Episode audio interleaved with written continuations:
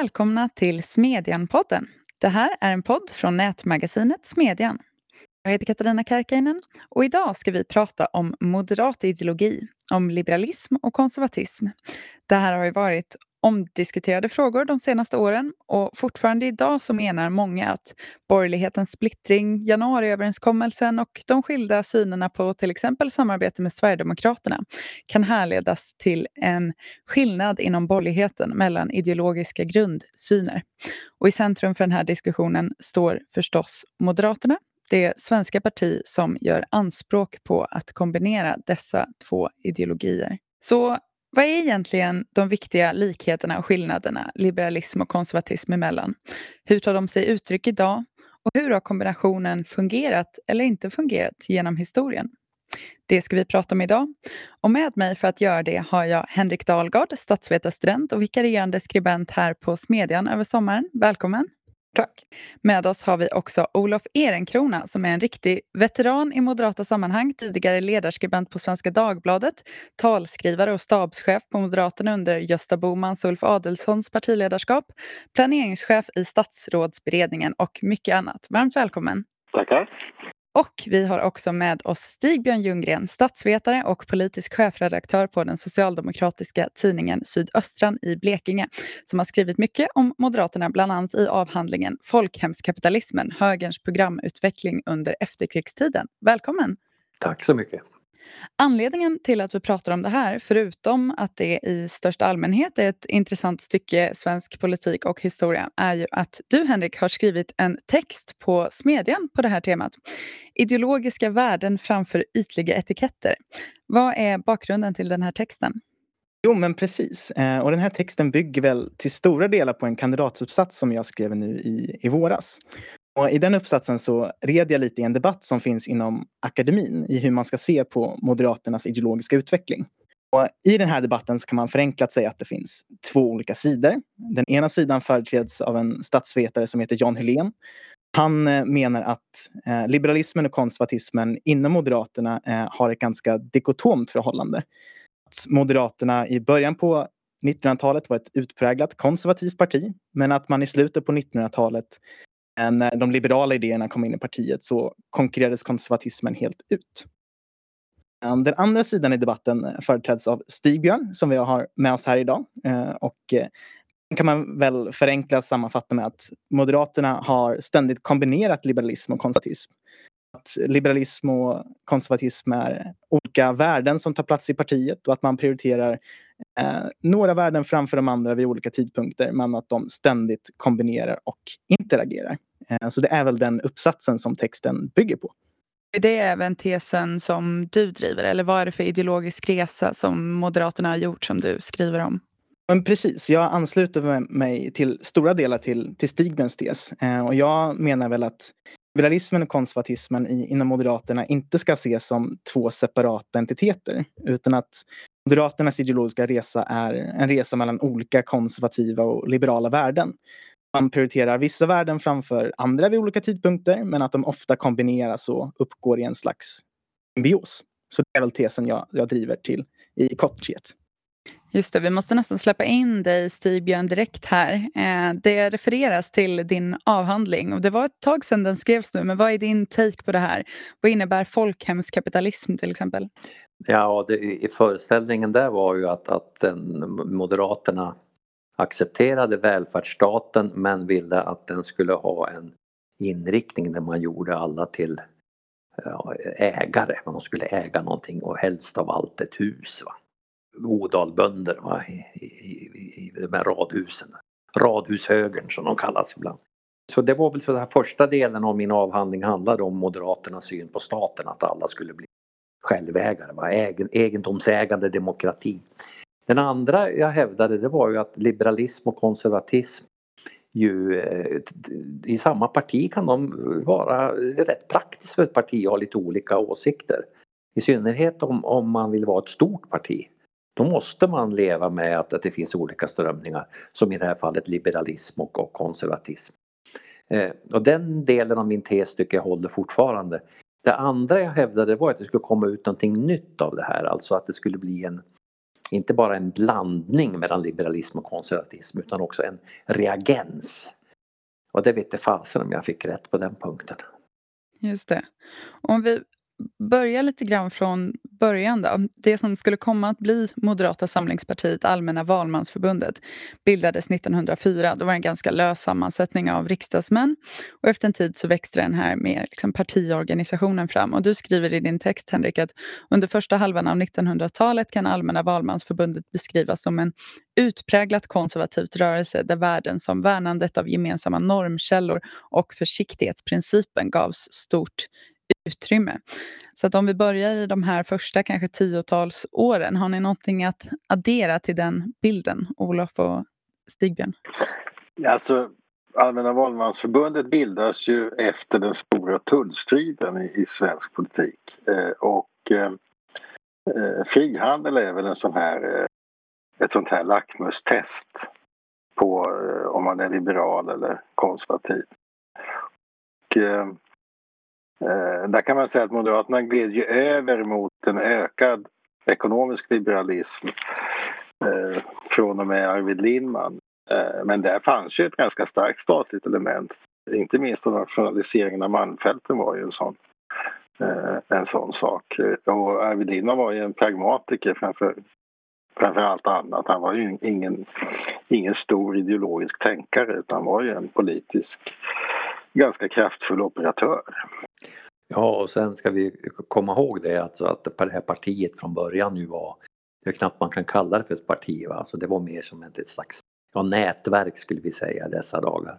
Och sen det är klart att, att sen blev organisationen gradvis mer och mer centraliserad. Va? Alltså man gick ifrån det statsvetare brukar kalla för ett mjukt parti till att bli ett hårt parti. Även om, om Moderaterna aldrig eh, någonsin egentligen har varit så riktigt hierarkiskt eh, utan det har alltid funnits oerhört självständiga både ledamöter och, och, och så att säga, olika landsändar har haft sin egen uppfattning i det partiet. Eh, ja. Men, men, men någonstans där i, på 40-talet så blev det mer, mer stringens också i vad man får tycka och tänka. Va? Och egentligen efter andra världskriget kan man säga att det, det stramades upp. Eh, just så, men det finns en, en, en distinktion mellan socialdemokrater och moderater som är ganska väsentlig och det är att Moderaternas riksdagsledamöter är bara ansvariga inför sina väljare, inte inför partiet. Just det. Medan socialdemokratiska riksdagsledamöter faktiskt är ansvariga inför sin kongress. Eh, och det kan tyckas vara en symbolisk för, eh, skillnad men den är rätt viktig i sak just, där, just det som Stigven påpekar. Eh, partidoktrin har inte varit en moderat specialitet historiskt. Tvärtom. Eh, nej men det är väl någonting man kan spinna vidare på är väl liksom hur man förhåller sig till den konservativa ideologin vid den här tiden. Eh, för det var inte så att Moderaterna hade, liksom, eh, som ni var inne på, ett konservativt manifest som man utgick ifrån utan man rör sig ju sig mellan ganska många olika punkter i den konservativa ideologin eh, vid den här tidpunkten. Eh, jag tycker man kan snegla lite på, på Stigberns avhandling och den analysapparat som han utgår ifrån. Eh, där man beskriver att eh, Moderaterna rör sig mellan tre olika punkter av konservatism. I form av kulturkonservatismen, och socialkonservatismen och liberalkonservatismen. Och I början på 1900-talet tycker jag att man har en ganska utpräglad kulturkonservativ syn. Eh, först och främst så är man väldigt mån om att värna gemensamma normkällor. Eh, man beskriver sig värna eh, fosterlandet och fosterlandets kultur och, och så vidare. Men kanske framförallt så bildas ju Allmänna valmansförbundet nästan som en reaktion på en ganska radikal socialdemokrati. Och man beskriver sig själva ska, att man ska motverka den radikalism som Socialdemokraterna hade vid den här tidpunkten. Men, det som är viktigt här tror jag, eh, det är ju att, att, att eh, ska man förstå Moderaterna så är det att, att det är ett parti som är bildat för att stoppa radikalismen. Och det är ju konservatismens credo är ju att, att, att eh, lunka sakta va, men säkert i tangentens riktning. Sen när socialdemokratin då börjar bli något försvagad så, så, så eh, kommer ju naturligtvis Moderaterna att, att tvingas definiera sig själva eh, utifrån sin, sin egen ideologi och det är då som den här liberalkonservativa diskussionen uppkommer. Den är liksom inte aktuell när, när det gäller att stoppa eh, liksom socialismen. Va? Utan då, då, då kan man överse med olika, med olika ideologiska skillnader. Utan det här, det här framträder ju först när, när Moderaterna börjar definiera sig själva eh, och inte utifrån sossarna. Eh, ja, det är sant, men jag tror också det är viktigt att fundera en sväng över vad, vilken typ av liberalism som finns inom Moderaterna. Eh, det finns ju två huvudtraditioner inom liberalismen. Den ena är den utopistiska med, med förankring i Rousseau och Bentham. Eh, och sen finns ju den, den eh, mera eh, traditionella liberalismen då med Locke och Smith och, och, och, och det som är, mynnar ut i Manchesterliberalism under 1800-talet. Och det är klart att den moderata liberalismen den kan man ju då förenklat beskriva som högerliberalism medan den andra då handlar mycket, är mycket mer vänsterorienterad och utopistiskt orienterad. Där liberala välfärdsstaten är ju också en utopi. Eh, och det är nog viktigt att ta klart för sig att för, för Moderaterna handlar liberalismen som man bejakar, det handlar ju om marknadsekonomi och om de stabila och väl bemannade statliga institutionerna.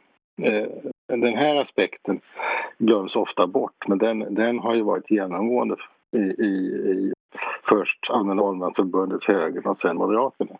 Och det har ju bland annat handlat om institutionerna som ett element i gränssättandet för politikens räckvidd.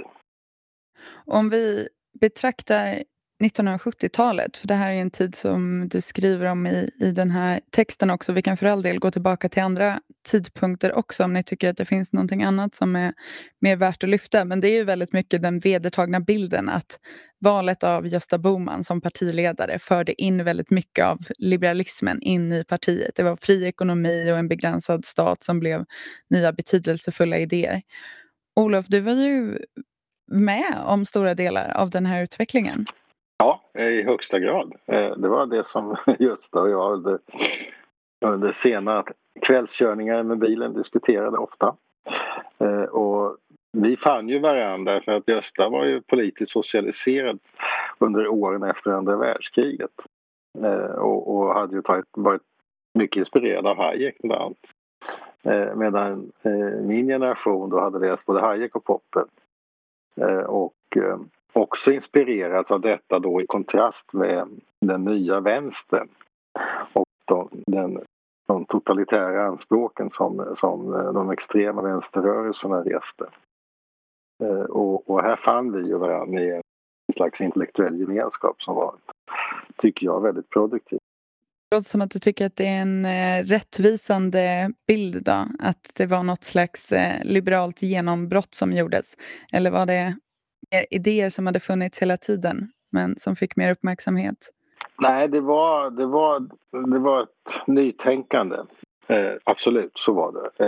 Eh, och det var ett liberalt genombrott men det var ett, ett eh, jag skulle säga högerliberalt genombrott.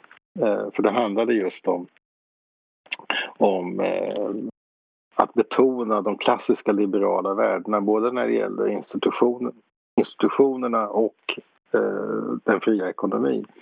Och det här sammanföll ju med att dåvarande Folkpartiet gick väldigt långt till vänster eh, och anammade det mesta av dåvarande socialdemokratins problemformuleringar när det gällde sånt som arbetsrätt och, och, och man var ju till och med för eh, varianter på kollektiva löntagarfonder. Eh, och sen växlade man över till löntagarfonder med individuella andelar. Men, men det, var, det var ju en...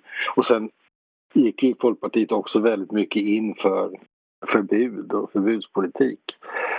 Eh, och i den här borgerliga diskursen då så fick Moderaterna ett nytt utrymme och Eh, det var ett utrymme som, som vi tog eh, och, och, som spelade stor roll för den ideologiska utvecklingen. Eh, och som jag tycker fortfarande präglar väldigt mycket av Moderaterna. Man kan ju säga det att, att, att, att så här efterhand så kan det tyckas att, att det där var väl inte så märkvärdigt alltså att hävda att folk skulle få valfrihet och man skulle få lyssna på vilken radiostation man ville och folk på fullt allvar föreslog att man ska inte ha de här kabel-tv-kanalerna. För vad kommer folk då att titta på för något för slags program? Va? Alltså det, idag är det helt omöjligt att begripa va, när vi har nätet och friheten. Va? Sen en annan sak som jag tillägga att, att oerhört viktigt för, för den här epoken var ju också löntagarfonder. Och då var ju så att säga det socialistiska spöket klev upp på, på scenen igen. Va? Och det gjorde ju att, att, att den, den, svenska högervågen kom att handla om att stoppa löntagarfonder medan i omkringliggande länder va, så är ju högervågen oftast förknippat med motstånd till de höga skatterna. Så. Det fanns ju också i Sverige men det blev inte, liksom, eh, blev inte huvudfokus.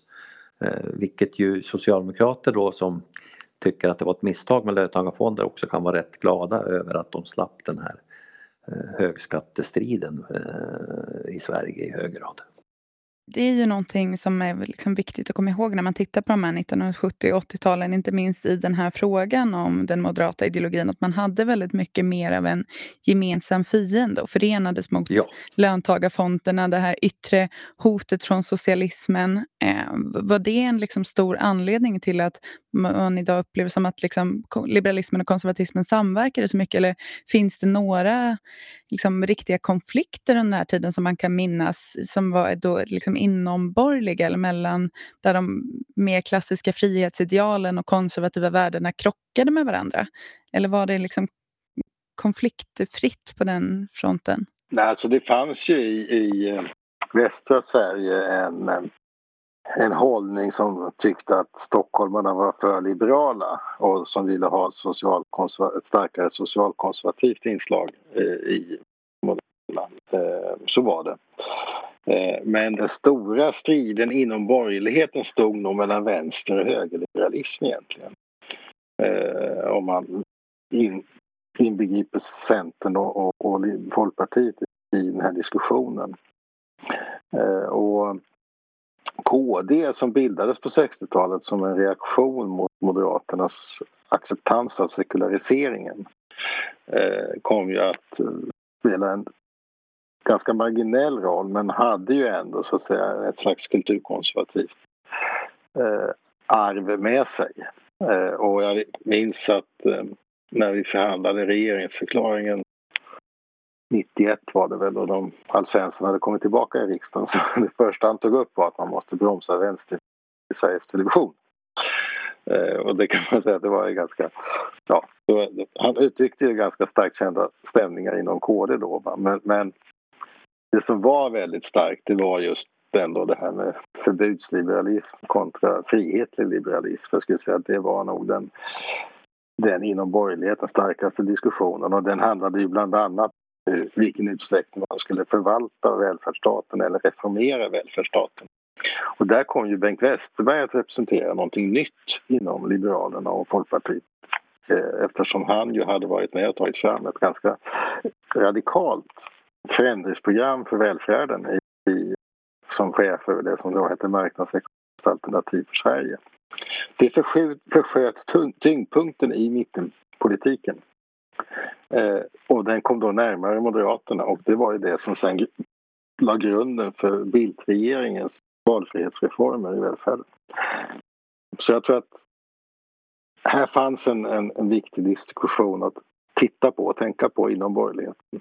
Det andra stora elementet som jag tror var väldigt viktigt var att från 1970 och fram till 1990 så var ju Sverige ständigt upptaget av ekonomiska kriser.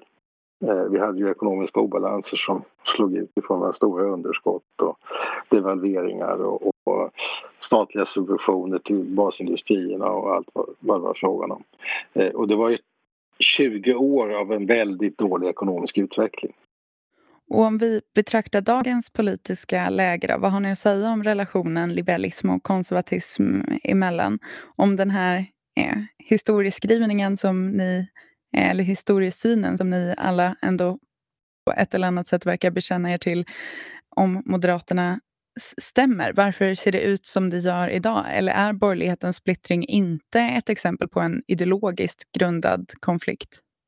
Ja, alltså eh, när, när, när Gösta Bohman gick bort så höll Carl Bildt eh, någon slags parentation över, över Göstas tid och egentligen den historiska epok som, som han kom att symbolisera, nämligen motståndet till socialismen.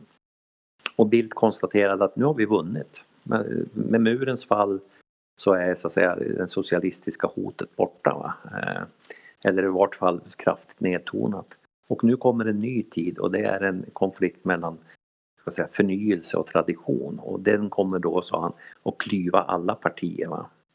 Och det var ju lite grann det, det som de nya moderaterna gjorde var ju liksom ta in ta rollen som, som förnyarna. Eh, och, och idag tycker jag väl att Ja, den där konflikten finns fortfarande och den klyver alla partier men det är liksom inte någon riktigt, den här vuxna rummet saknas för tillfället. Om man spinner vidare lite på det så tycker jag eh, att det, även om man pratar om att vi har väldigt nya konfliktlinjer inom politiken så tycker jag att det här kulturkriget i, i grund och botten kan kopplas tillbaks till en klassisk höger-vänster diskussion om, om statens storlek. Jag tycker verkligen att det som klyver borgerligheten idag är synen på statens grundläggande uppgifter när det kommer till kultursynen. Eh, exempelvis är ju en socialkonservatism som kanske företräds av främst SD som försöker använda staten för att men, eh, gynna vissa typer av kulturella uttryck och driva eh, kulturen i en viss roll. Det är väl någonting som man som klassisk liberal eh, sneglar lite skeptiskt på.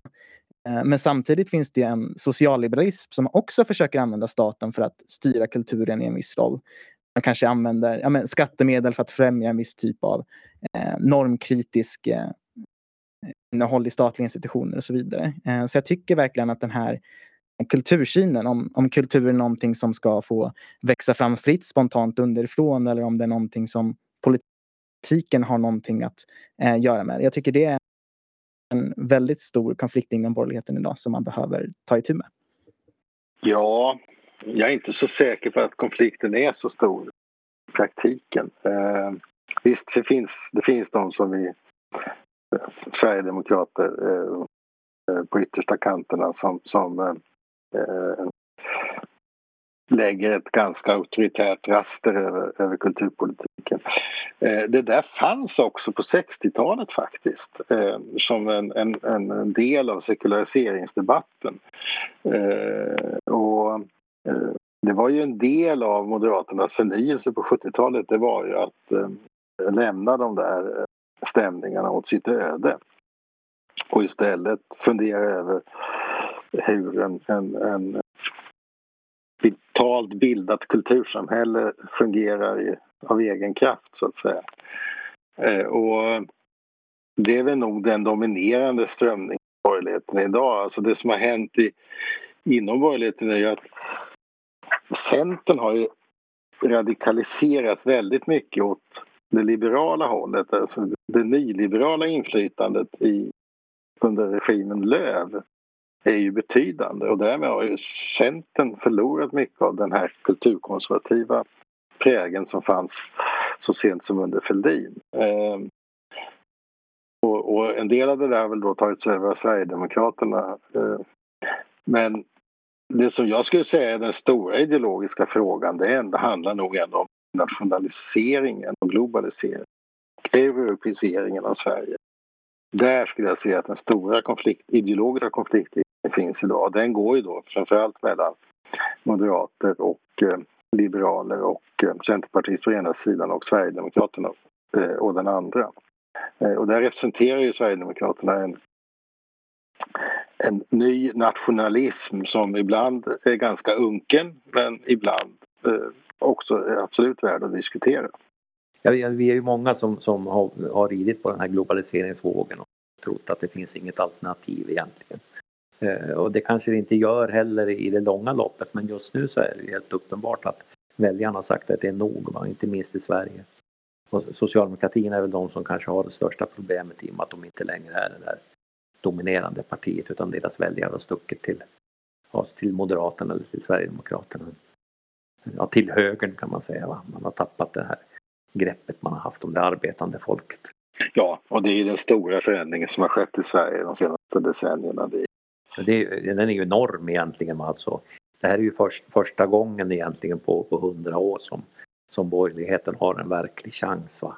Och då i det läget så är de då kanske inte så stark som, som en politisk kraft utan och det beror väl naturligtvis också på att de här strömningarna eh, mellan det nationella och det globalistiska att det också drabbar, drabbar de partierna, precis som Bildt förutspådde. Ja, och, och det, det, är ju, man kan säga det att välfärdsstaten utmanas ju i verkligheten på ett sätt som, eh, som ju inte var tänkt. Välfärdsstaten byggdes ju upp kring en, en väldigt nationella eh, system eh, och som inte var tänkt att utnyttjas av några andra än svenskar. Och, och, och när det sen då när, när, när, pressen ökar till följd av migration och asylsökning och allt vad det kan vara fråga om så eh, blir det ju eh, väldiga påfrestningar på de politiska lojaliteterna. Eh, och det vi ofta glömmer bort är att det enda man kan tala om i stora delar av Sverige är just hur de här bidragssystemen utnyttjas och eh, överutnyttjas av en del och utnyttjas av andra medan, medan då de som har betalat för dem har svårare att komma till helt enkelt. Får betala mer för medicinerna, får betala mer för tandvård etc. Och det här är ju en dysfunktionalitet, som, eller ska säga, en asymmetri som har uppstått i det svenska samhället som, som eh, politikerna måste klara av att brygga över annars så, så blir, kommer missnöjet bara växa.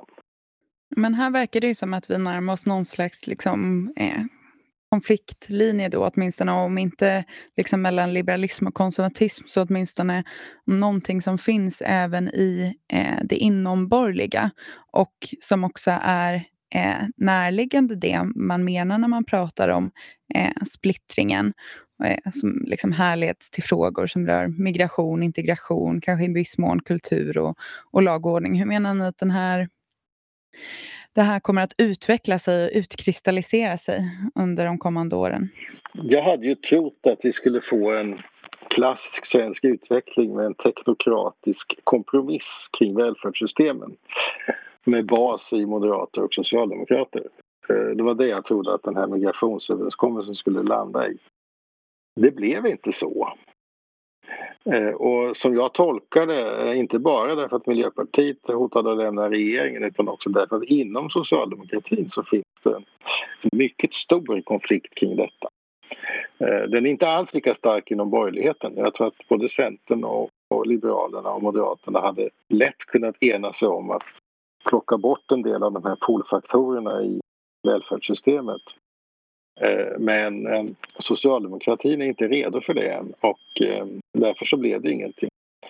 Men annars hade jag förväntat mig att vi skulle få ett antal teknokratiska lösningar i välfärdssystemet som skulle göra det mindre känsligt för asylinvandring och, och, och den typen av problem som vi ser nu. Som vi framför allt ser ute i Sverige där folk ser de här motsättningarna. Mm. Om man åker till Ludvika till exempel och lyssnar på vad man säger där om tandvården och folktandvården. Om man har tre års väntetid, det sista jag hörde. Eh, eller om man läser om hur folk måste betala 2000 kronor för mediciner medan man som asylsökande inte behöver betala mer än 50. Sånt här talar ju folk om hela tiden. Vad säger Stigbjörn? Jo, det är helt rätt här, alltså att socialdemokratin har svåra inre problem Eh, eller man kan säga så här, partiledningen, den socialdemokratiska partiledningen har två frontavsnitt. Dels det som gäller de interna aktivisterna som är då i hög grad för liksom en generös flyktingpolitik och asylinvandring och, och eh, inte alls vill ha, eh, snarare ha en försiktig återgång till den generösa linjen. Och sen har vi då frontavsnittet gentemot framförallt de före detta socialdemokratiska väljarna så hur den socialdemokratiska partiledningen, hur de än gör här så, så blir det fel. Va? De får, får antingen aktivisterna på halsen eller fortsätta leva utan de här väljarna som har stuckit. Vad tror du Henrik? Eh, nej, men jag håller med både Olof och, och Stigbjörn. Eh, sen tror jag att en konflikt som kan komma att bli ganska inomborgerlig och kanske även inom Moderaterna som parti är själva trygghetsfrågan. Eh, framförallt inför nästa val så är det ganska mycket som tyder på att just eh, trygghetsproblematiken kommer vara ganska framträdande. Och då finns det en ganska knepig diskussion tycker jag om man ska förena värden som trygghet och, och frihet.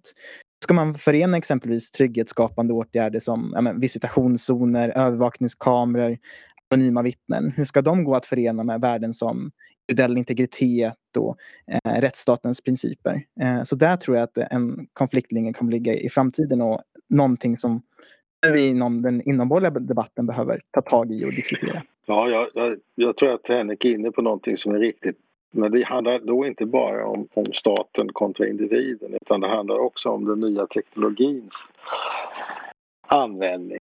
Eh, Moderaterna, om vi koncentrerar oss på dem, måste nog börja uppmärksamma det faktum att det i den nya teknologiska miljön växer fram stora konkurrensproblem.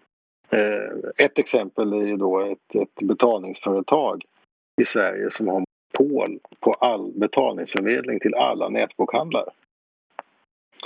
Eh, och det har de målmedvetet jobbat på att få. Och det är klart att här har vi en typ av konkurrensbegränsningar som vi har sett globalt eh, och som Facebook och Google och de här har tvingats hantera. Men som vi i Sverige, kanske då på nationell nivå, inte har lyckats hantera. Och här tror jag att Moderaterna för att klara trovärdigheten kring en frihetlig liberal ekonomisk miljö Eh, måste titta på hur konkurrensförhållandena förändras genom användningen av ny teknologi. Och, och ja. ja. Det här tror jag är ett oerhört viktigt tips till, till Moderaterna.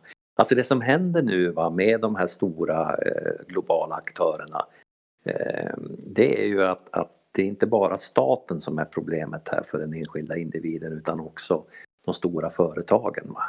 Och, och eh, här finns det ju i, i, hos några liberaler i varje fall och även folk på så att säga, som har läst Marx eh, och följer den traditionen en, en insikt om att det liksom inte Problemet är inte om det är staten eller om det är företagen utan det är om det är en maktgrupp som, som, eh, som eh, är dominant. Va?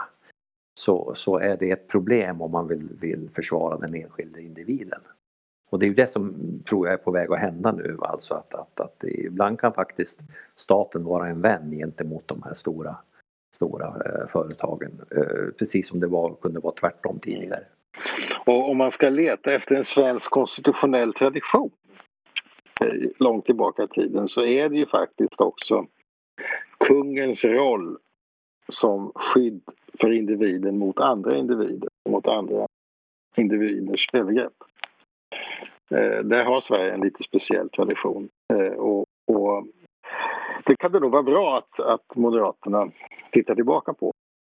För att här finns en, en aspekt i det moderna samhället som, som absolut inte ska underskattas. Jag kommer ihåg när vi auktionerade ut radiolicenser eh, för lokala radiosändningar. Så eh, köptes ju de av vissa företag och sen så startade de sändningar och sen så skulle de bilda en intresseorganisation. Och det första punkten på det första mötet det var att man inte skulle, skulle göra några fler aktioner, eh, nya licenser. Det vill säga, det första punkten var att man skulle begränsa konkurrensen. Jag, tyckte, jag, jag blev väldigt uppspelt över att få denna enorma bekräftelse för vad Adam Smith sa på 1700-talet. Om eh, detta angående teknikutveckling och storföretagens roll misstänker jag att de lärde kommer att få anledning att tvista. Vi behöver alldeles strax runda av, men jag undrar Stigbjörn och Olof, i sin text så skriver Henrik en cocktail med blandning av liberalism som bidrar med individuell frihet och marknadsekonomi och en konservatism som med försiktighetsprincipen bidrar till en långsam men säker vandring mot de liberala principerna där viktiga gemensamma normkällor inte går miste på vägen kan smaka alldeles utmärkt för både liberaler och konservativa. Instämmer ni i det här? Tror ni på den här dryckesbeställningen från Henrik? Ja, så, så länge sossarna erbjuder liksom lättöl som alternativ så tror jag att det kan vara så. Vad säger Olof? Ja, eh, jag, är ju, jag är ju ändå en stark anhängare av att det är väldigt viktigt att prioritera individens rörelsefrihet och valfrihet. Eh, det, är så, det är också så man bygger ett organ, en organisk samhällsutveckling menar jag. Eh, och en organisk samhällsutveckling till skillnad från en revolutionär samhällsutveckling. Aggregatet av fria människors fria val det är ganska potent faktiskt. Och det är det jag tycker man eh, man från moderat sida ska prioritera och se hoten mot från olika håll. Det kan vara staten men det kan också vara andra privata aktörer eller det kan vara en teknologisk utveckling som man inte riktigt har koll på. Det får lov att bli sista ordet för idag och jag och Henrik får lov att säga varmt tack till Olof Ehrenkrona och Stig-Björn Ljunggren för att ni ville vara med idag. Tackar. Tack. Tack också till er som har lyssnat. Eh, jag vill också tipsa om att Henriks text som vi har pratat om och mycket annat på detta och andra teman hittar ni som alltid på timbro.se smedjan. Vi ses där och hörs igen här om en vecka. Hej då!